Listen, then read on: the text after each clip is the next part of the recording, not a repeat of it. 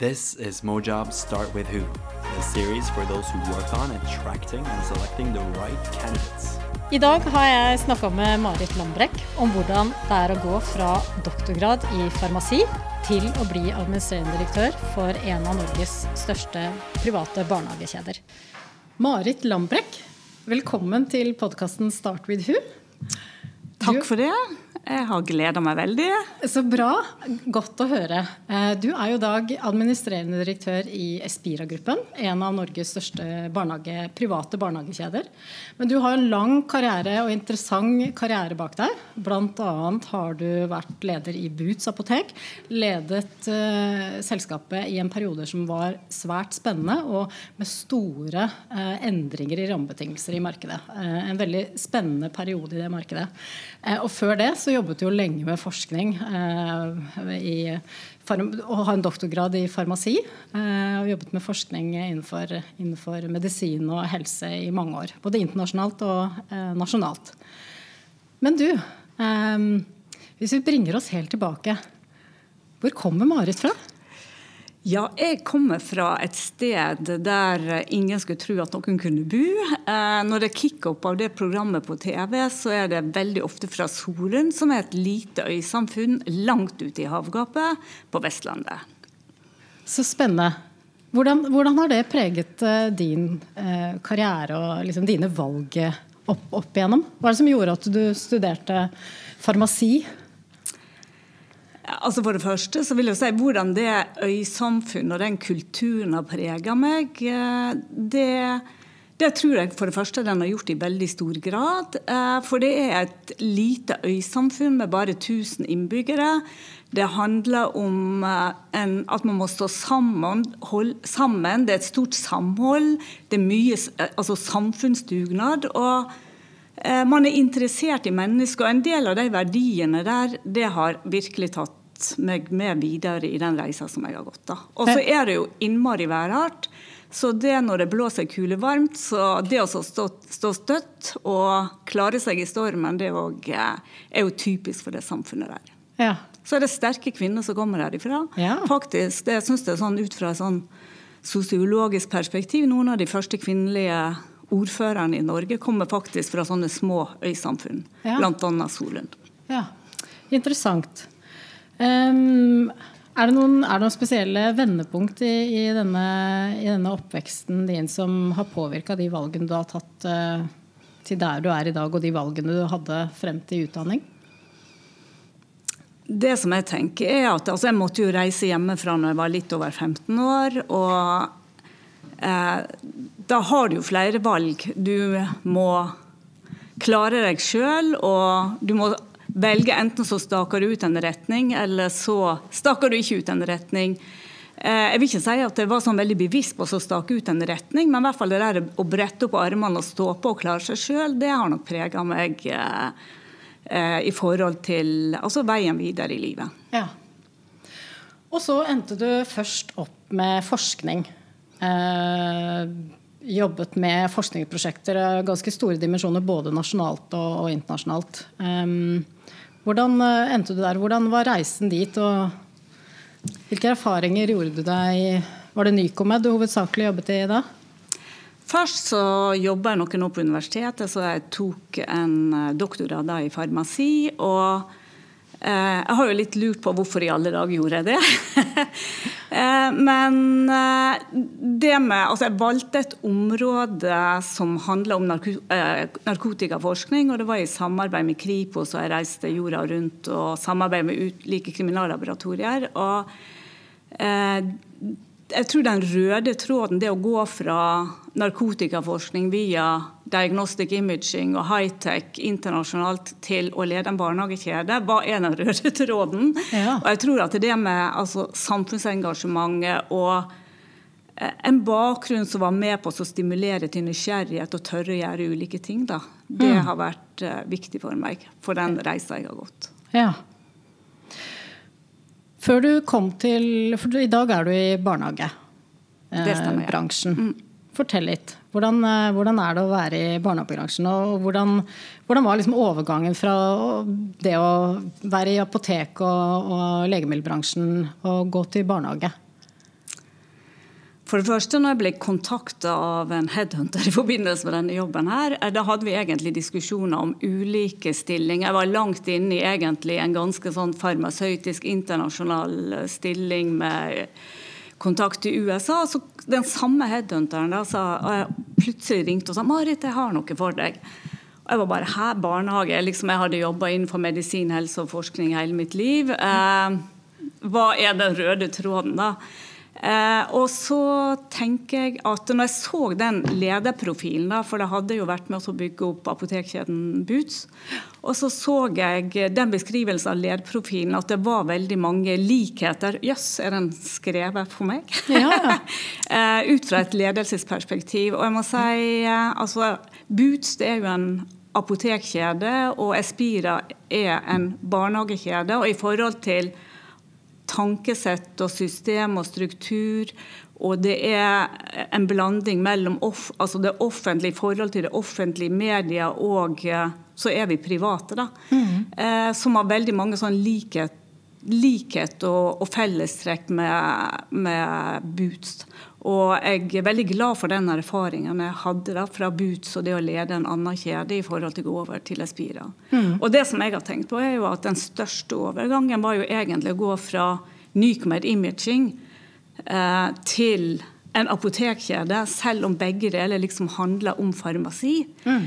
For eh, Nycomed var jo en forskningsintensiv eh, Eh, produktorientert bedrift. Altså vi innoverte nye produkter, og vi jobba i hele verden. Mm.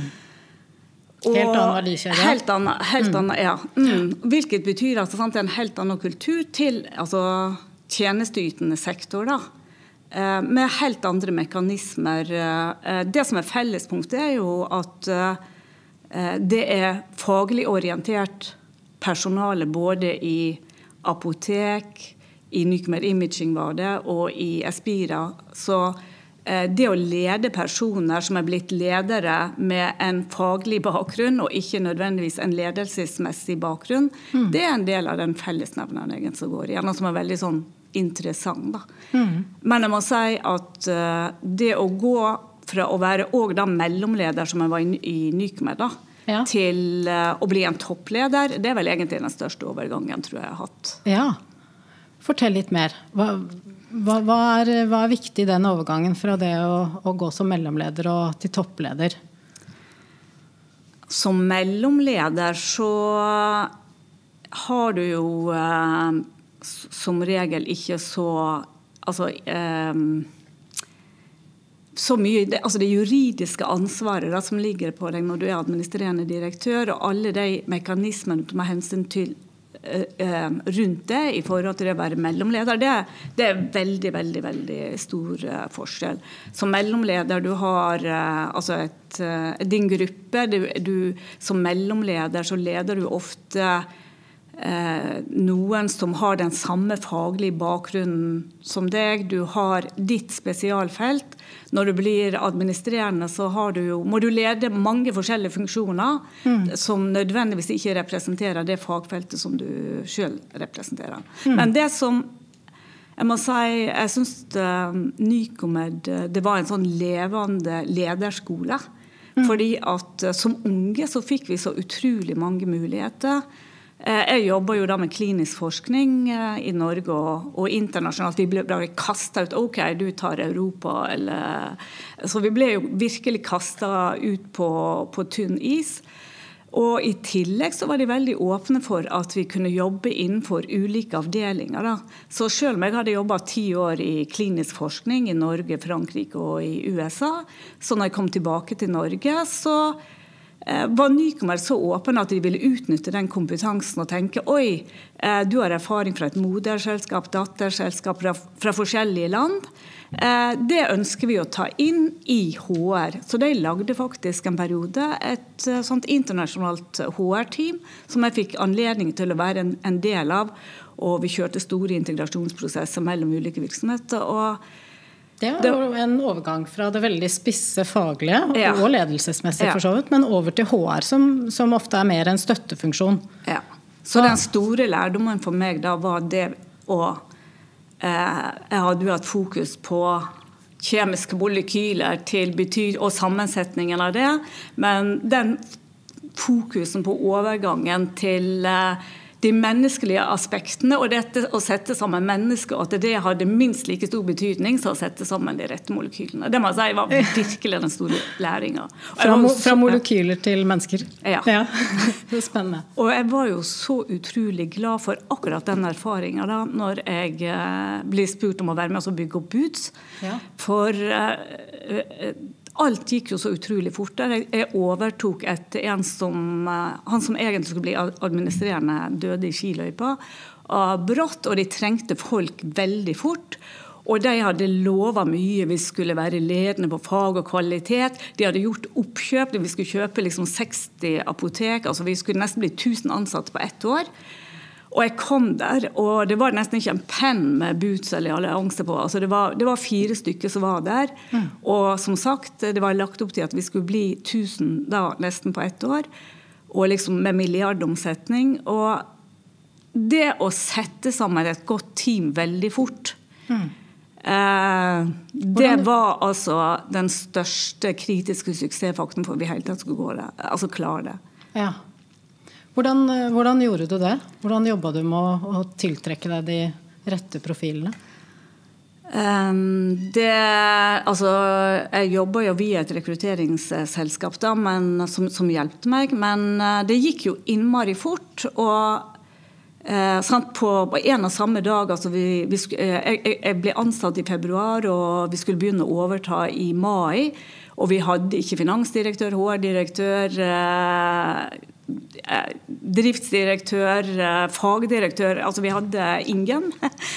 Og mm, jeg brukte rett og slett vil jeg si, den kunnskapen fra Nycomed. Det at jeg hadde også fått jobba med strategic planning, marketing, klinisk altså, og, og den H-en. Eh, så jeg tror at det å være bevisst på å sette sammen et team da, som hadde altså, du, altså Kompetansemiksen var jo veldig viktig. Men òg eh, basert på den læringa som vi hadde i HR, og lært veldig mye om kulturelle forskjeller, dynamikk i lederteam. At det tok med bevisst andre faktorer som eh, altså miks av kjønn, miks av erfaring, personlighetsteam. Og så er jeg veldig opptatt av at nøkkelen til suksess er en god balanse mellom drift og utvikling. Ja. Så at uh, i lederteamet da, at du får um, ja, den balansen må være eh, god. For mm. hvis teamet vipper over bare til drift eller bare til utvikling, det, da kan det gå galt av gårde. Og jeg tror det at jeg var så bevisst på det, det, det var nøkkelen til vår suksess. Ja. Ja, for i, i store retail-bransjen mm. generelt så er jo resultatet i veldig stor grad eh, et resultat av den driften, altså hvor effektivt og godt man jobber med operation. Mm. Og så er det jo så viktig i det strategiske perspektivet å ha nok fokus på utvikling, som du, mm. som du sier. Mm. Ja. Nei, jeg bare tenkte jeg skulle si òg at uh, i og med det var en annen faktor som var viktig, var altså det ble jo veldig kaotisk eh, fordi at vi vokste så veldig fort og hadde så veldig lite på plass. Og eh, som du sier da, det likevel å klare å holde det balanserte fokuset er kjempeviktig i en sånn situasjon. Og en annen ting som er veldig viktig, det er så lett å se når en vokser så fort på alt det ugjorte, og at det, wow, er det kaos. Men det å stoppe opp sånn underveis og feire suksesser sammen med teamet, ja. og se på ja, men, se hvor vi var om tre måneder, se hvor vi er nå. Eh, for så å bygge videre, men være veldig stødig i forhold til den kursen du har staka ut. Ja. Eh, det tenker jeg òg er, er, veldig viktig. Så uansett eh, om ting går bra eller mindre bra, det å stoppe opp og så søren heller, vi har jammen fått til mye, det tenker ja. jeg er viktig. Ja. Høres bra hvordan feirer, hvordan feirer du med gjengen din? Eh, for eksempel, sånn så I BUT så tenker jeg det med kulturbygging var Eller uansett hvor man er, så er jo det med kulturbygging eh, veldig viktig. Og eh, Altså, vi hadde fellessamlinger for alle ansatte, og da var det Altså Vi sa at vi skal være best på faget, men vi skal også være best på leken. Så vi eh, brøt noen grenser også i forhold til det å tørre å gjøre nye ting. Eh, altså Vi som ledergruppe altså profilerer oss overfor de ansatte som at vi er veldig ufarlige, vi tør å gjøre nye ting. Så det ble en sånn greie på de eh, samlingene der at Marit gjør det hun ikke kan. Yeah. så jeg ble faktisk eh, altså utfordra til å alt å være sånn fjernstyrt fra, med Thomas og Harald og si dumme ting som hele salen lurte på, til eh, faktisk å rappellere ned på Oslo Plaza og wow, i, i Spider-Woman-drakt. Jeg må jo si at når jeg ble tatt opp i toppen der eh, det var midt på en torsdag, og gjennom business-launchen helt på toppen i den Spider-Woman-drakta, så hadde var jeg litt redd for at jeg skulle møte noen av konkurrentene. Ja. Men eh, altså, moralen i visa handler egentlig om at vi skulle gå foran og, så, og, og tørre å, å, gjøre nye ting. Da, og at, å ufarliggjøre ledelsen for å få et sånn tett forhold mellom eh, altså ledelsen og de ansatte. Og eh, Det var litt sånn som du innledet med å si, det var jo et deregulert nytt marked. Så det å tenke nytt og gjøre nye ting, mm. eh, det var en sånn ting som vi jobba veldig bevisst med overfor våre ansatte. da. Og folk sa jo til meg å ja, Marit, når du gjør det, og du går foran, så skal jo vi jo tørre. Så, ja. ja. Så bra. Best på lek var en godt, god slogan, syns jeg, synes jeg, i den sammenhenga. Eh, du Marit, jeg har hørt at du er en uh, leder i Spira-gruppen som alle styrerne, det heter jo styrer når man leder en barnehage, som alle styrerne eh, vet godt hvem er og føler at det er sin leder. Det sies at du, du husker navnene deres, og du husker historiene, og du husker barnehagene. Eh, det også bringer jo en veldig nærhet, som du beskriver i den kulturbyggingen fra Boots. Um, er dette et bevisst valg, eller ligger det naturlig for deg? Jeg tror eh, Litt sånn som jeg innleder med, at jeg kommer fra et bitte lite samfunn. Det er ikke så mange der.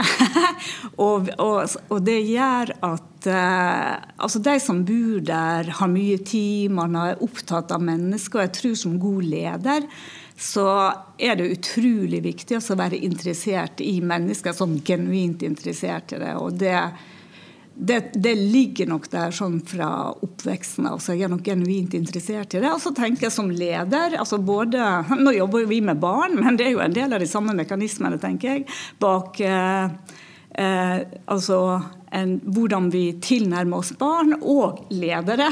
Mm. Men det handler jo om å bli sett og bli anerkjent for eh, den du er. da. Mm. Så det er jo noe jeg tror veldig på, da, dette med at uh, våre ledere der ute blir sett og anerkjent for den jobben som de gjør. Og jeg syns det er utrolig spennende å være ute og uh, Ja, det gir meg kick, rett og mm. slett. Så godt å høre. Å bli sett er vel det mest ja. grunnleggende menneskelige behovet. Så det, mm. det, gjelder jo både i alle, i alle aldre og i alle sammenhenger. Mm. Uh, men det å, å lede en barnehage, barnehagebedrift kontra det å komme fra Boots, mm. hvor, hvor, også en, en, viktig del av lederansvaret var den merkevarebyggingen. Mm. Um, Eh, hvordan, hva, hva, har du tatt med deg der over til barnehagebransjen? Eh, for det var jo også en mm. form for profesjonalisering av den bransjen mm. også, idet du kom inn der. Mm. Eh, hva tenker du om det? Altså, jeg tenker for det første det med sånn ydmykhet til at ulike sektorer er forskjellige. Eh, samtidig som litt sånn som jeg sa når det gjelder struktur og oppbygging og det å utvikle gode ledere. Altså når du leder Vi har jo eh, over 100 barnehager. Eh, så det handler jo om å ha gode ledere ute på hver enkelt enhet. Altså Der er det veldig mange sånn likhetstrekk. Men samtidig så er jeg så utrolig bevisst på at det er ulike sektorer, og, og det å være som sagt ydmyk for de forskjellene som det er innenfor ulike sektorer. Mm. Um, ja. Um, jeg har sett dere er gode til å til å, å spinne konseptet rundt uh, navnet deres, uh, Espira. Eh, som går over til Dere har en, en spire som er laget mm. som en bamsespire, hvis man kan kalle det det. Og, og, og veldig mye av, mye av, de faglige konseptene deres er jo veldig altså, bygd rundt det. Mm. Som, hvor bevisst og hvor mye tror du det spiller en rolle i, i, i ledelsen og, og driften av selskapet? Jeg tror at eh, altså I forhold til likhet sånn mellom Boots og, og Espira, da, så litt det som jeg sa det som ligger i bunnen, da, liksom jeg sa i, i Boots, var dette med at vi skal være ledende på fag og kvalitet. Og i forhold til uh, Espira, så er det, altså det er veldig likt. Altså vi ønsker å være ledende på fag og kvalitet. Så kan du si at uh, det er veldig store forskjeller på en barnehagekjede og eh, en apotekkjede eller retail. Da. For eh, her er det veldig viktig, også innenfor barnehagekjede, å, å være opptatt av de lokale forskjellene og styrke styrke det altså lokale særpreget til den enkelte barnehagen. Altså, vi har jo barnehager som er musikkbarnehager, friluftsbarnehager. Men i bunnen så ligger det en god del fellesnevnere som går på det faglige og kvalitet. Og altså, vi har satsingsområder, språkbevegelse, realfag som skal være felles for alle. Mm. Og så, altså Jeg liker jo veldig godt altså den logoen vi har, som er i spire, som jeg syns mm. er veldig, veldig fint. fint. symbol. Altså, ja. mm. Altså For det første er den grønn. Mm. det er en fin farge i dag. Men det med spire, altså sånn at vi ønsker at barna våre skal vokse og gro og ha gode voksne rundt seg for å bli robuste for uh, seinere løp i livet, det det syns jeg at den spira virkelig symboliserer. Så mm. den er veldig populær. Ja. Ja, det har jeg sett. Jeg har sett ja. barn med, med, spirebamsen foran seg på tur. og Det ser ut som det er, en, er en, som en venn i barnehagene. Absolutt, altså. Så som sagt, både barn og voksne er kjempeglade i den. Ja. Eh, du, du, var litt inne på dette her med hva du, du, legger vekt på når du rekrutterer og bygger gode team. Um, når du jobber med, med, med kandidater altså Hvis du, hvis du f.eks. Eh, møter to likt kvalifiserte kandidater og skal bestemme deg for, seg for hvem du ansetter, hva legger du ut som kriterier ofte? Altså For det første så tror jeg at man aldri har to like kandidater, selv om det på papiret Altså ut fra en CV kan se sånn ut. Uh, så jeg tenker jo veldig hvordan vedkommende vil passe inn, basert på det som jeg nevnte litt sånn tidligere. Uh, personlighetsmiks, balansedrift, balanse, drift, utvikling, uh, aldersmiks osv. osv. Så, så jeg tenker veldig på hva slags skap vi har der, med alle de faktorene tatt i betraktning. Og så ser jeg på Eh, hvordan kan den personen fylle det gapet best mulig? Og jeg er jo veldig ofte ute etter en sånn X-faktor, da. Eh, for eh, jeg er veldig vant til lean management. Ja. og altså veldig små team. Og da der, der, at man kan vise at man har litt bredde, da. Mm. At ja, men HR, ja, ja, kanskje du kan kommunikasjon òg, eller drift, eh, også har litt bakgrunn fra marked. Altså, eh, det må jeg virkelig si at uh, i et lederteam, da, hvis du har personer som kan dekke flere felt, eller ha innsikt i flere felt, det har jeg veldig god erfaring med. Mm. Du nevner lean ledelse. Hva mm. legger du i det? Uh, Less is more. Ja. Eh, det er et annet uttrykk som vi òg faktisk har jobba veldig mye med. Da. Men uh, det som jeg legger i det, er jo at uh, med Altså less is more er at man faktisk med det rette fokuset, så kan du klare mer med less. Ja. Og vi har jobba veldig mye etter det prinsippet, bare for å si sånn Eh, altså Vi har 100 enheter, og i mitt eh, hode så er det at alle er gode på noe. Så vi har jobba veldig mye med systematisk beste praksis-deling. Mm. Og finne ut ja, hvem er gode? Altså hvem har lavt sykefravær, f.eks. Ja. Eh, og så identifiserer vi ti av våre 100, eller litt over 100 enheter. Ja. Hva er det de gjør, hva gjør de aktiviteter? Og altså, finner vi noe statistisk signifikant som vi kan bruke av aktiviteter, som vi kan spre ut i hele kjeden. Ja. Så drar du hele Gaus-kurva oppover. Det er less is more. Og veldig ofte må jeg jo si, bare sånn for å snakke om kjededrifta, at hvis du jobber med altså sånn 100 enheter, så veldig du har den 80-20-regelen, og veldig ofte sant, så er det 20 som enheter som du strever med. Eh, så det er liksom i den enden, og det kan ta alle ressursene. Men det å heller jobbe i andre enden av det som jeg kaller Gaus-kurva, da, og finne ut og identifisere de gode aktivitetene eh, på, som gir resultater, som disse 10 eller 20 enhetene har, og dra alle sammen oppover, det har jeg sett eh, virkelig god effekt av. Så bra. Så fokusere på de beste, og ikke det laveste nivået Ja. som skal heves nødvendigvis. Mm. Det høres, eh, det høres spennende ut. Eh, Retail hadde jo i veldig mange år en sånn, kanskje et ganske stort fokus på det her å øke lavest nivå. Sånn, og det, jeg tror det er mye gode effekter å heller fokusere på det i toppen. Så mm, det høres eh, veldig, veldig spennende ut. For det som jeg tenker Da da drar du jo hele Gauss-kurva oppover, Ja. sånn at du får med deg eh, den nederste biten òg, og kanskje du får de raskere opp med å se på hva de som er gode på det området, gjør, enn å bare tenke å ja, hva kan disse 20 på den nederste delen gjøre. Du, er det, er det noen, eh, noen endringer gjennom denne lange lederkarrieren din du tenker at har hatt eh, ekstra stor betydning, eller, eller kanskje vært med på å endre perspektiv og syn på ledelse? Altså, jeg har jo hatt en veldig lang reise, og altså, eh, Det er vel litt sånn som jeg sa eh, innledningsvis. Altså, i, vi har jo veldig mange i Norges land som har en sterk faglig bakgrunn, altså om vi er medisiner eller, eller eh, lærere, så, som får lederstillinger. da.